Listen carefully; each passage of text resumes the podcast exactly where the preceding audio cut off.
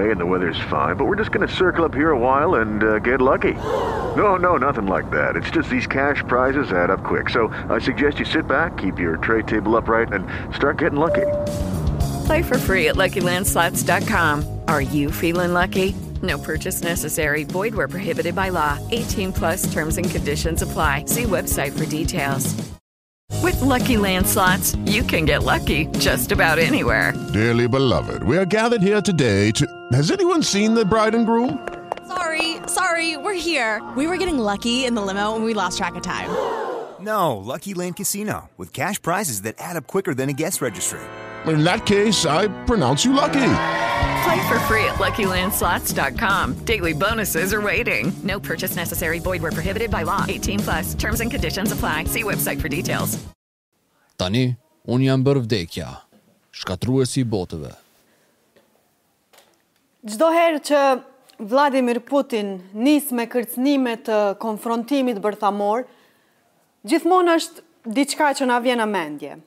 Pse fillimisht duhet të ekzistojnë armët bërthamore?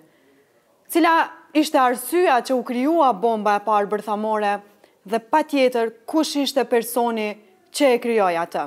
E dinim që bota më nuk do të ishte e njëjtë. Disa njerëz qeshën, disa qanë, shumica heshtën.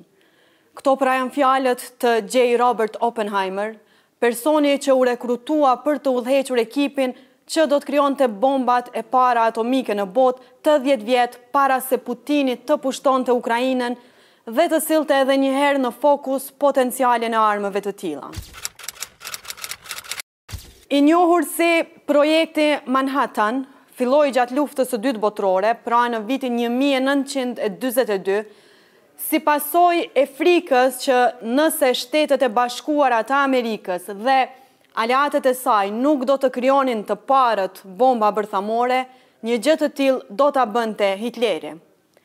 Oppenheimer ishte një fizikant teorik i krahut të majtë që nuk është se njihej shumë për cilësi drejtuese apo mprehëtësi laboratorike.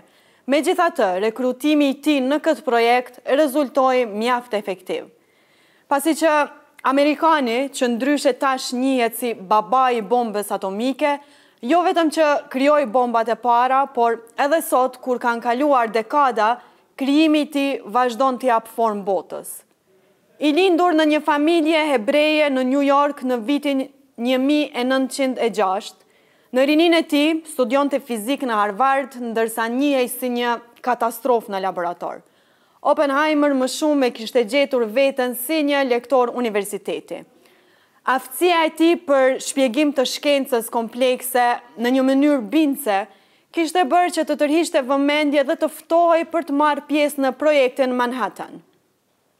Edhe vetë ai nuk kishte asnjë dyshim se detyra e të gjithë shkencëtarëve në Amerikë ishte fillimi i ndërtimit të një bombe para se ta ndërtonin nazistët.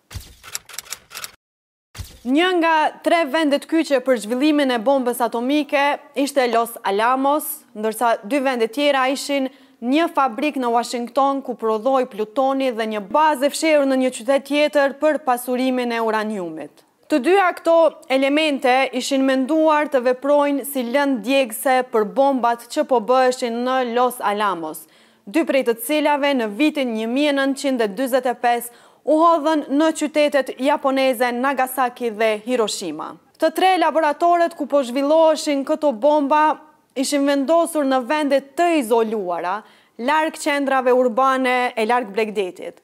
Aty ishin mbledhur gjenitë nga e gjithë Amerika dhe vende të tjera, përfshirë Britaninë. Pasi u arrit qëllimi, bombat u krijuan dhe bota ndryshoi përgjithmonë. Testi i parë i bombës atomike u bë në Nju Meksiko me gjashtëmbëdhjetë korrik të vitit një mijë e nëntëqind e dyzet e pesë. Pas testit, Oppenheimer tha një fjali e cila e përkufizon edhe sot. Ai duke cituar një tekst të shenjtë hindu, tha kështu, Tani unë jam bërë vdekja, shkatërruesi i botëve. Dhe vetëm disa javë më pas, vdekja me të vërtetë erdhi në një shkallë të paimagjinueshme. Më datë gjashtë gusht, një bombë me bazë uranium e njohur ndryshe si Little Boy, shpërtheu mbi Hiroshima dhe një tjetër e njohur si Fat Man u hodh tre ditë më pas në Nagasaki.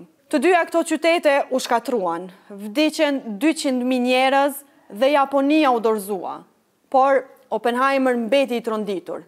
Deri në atë kohë, sipas biografit të tij, ai nuk kishte pasur ndonjë shqetësim moral.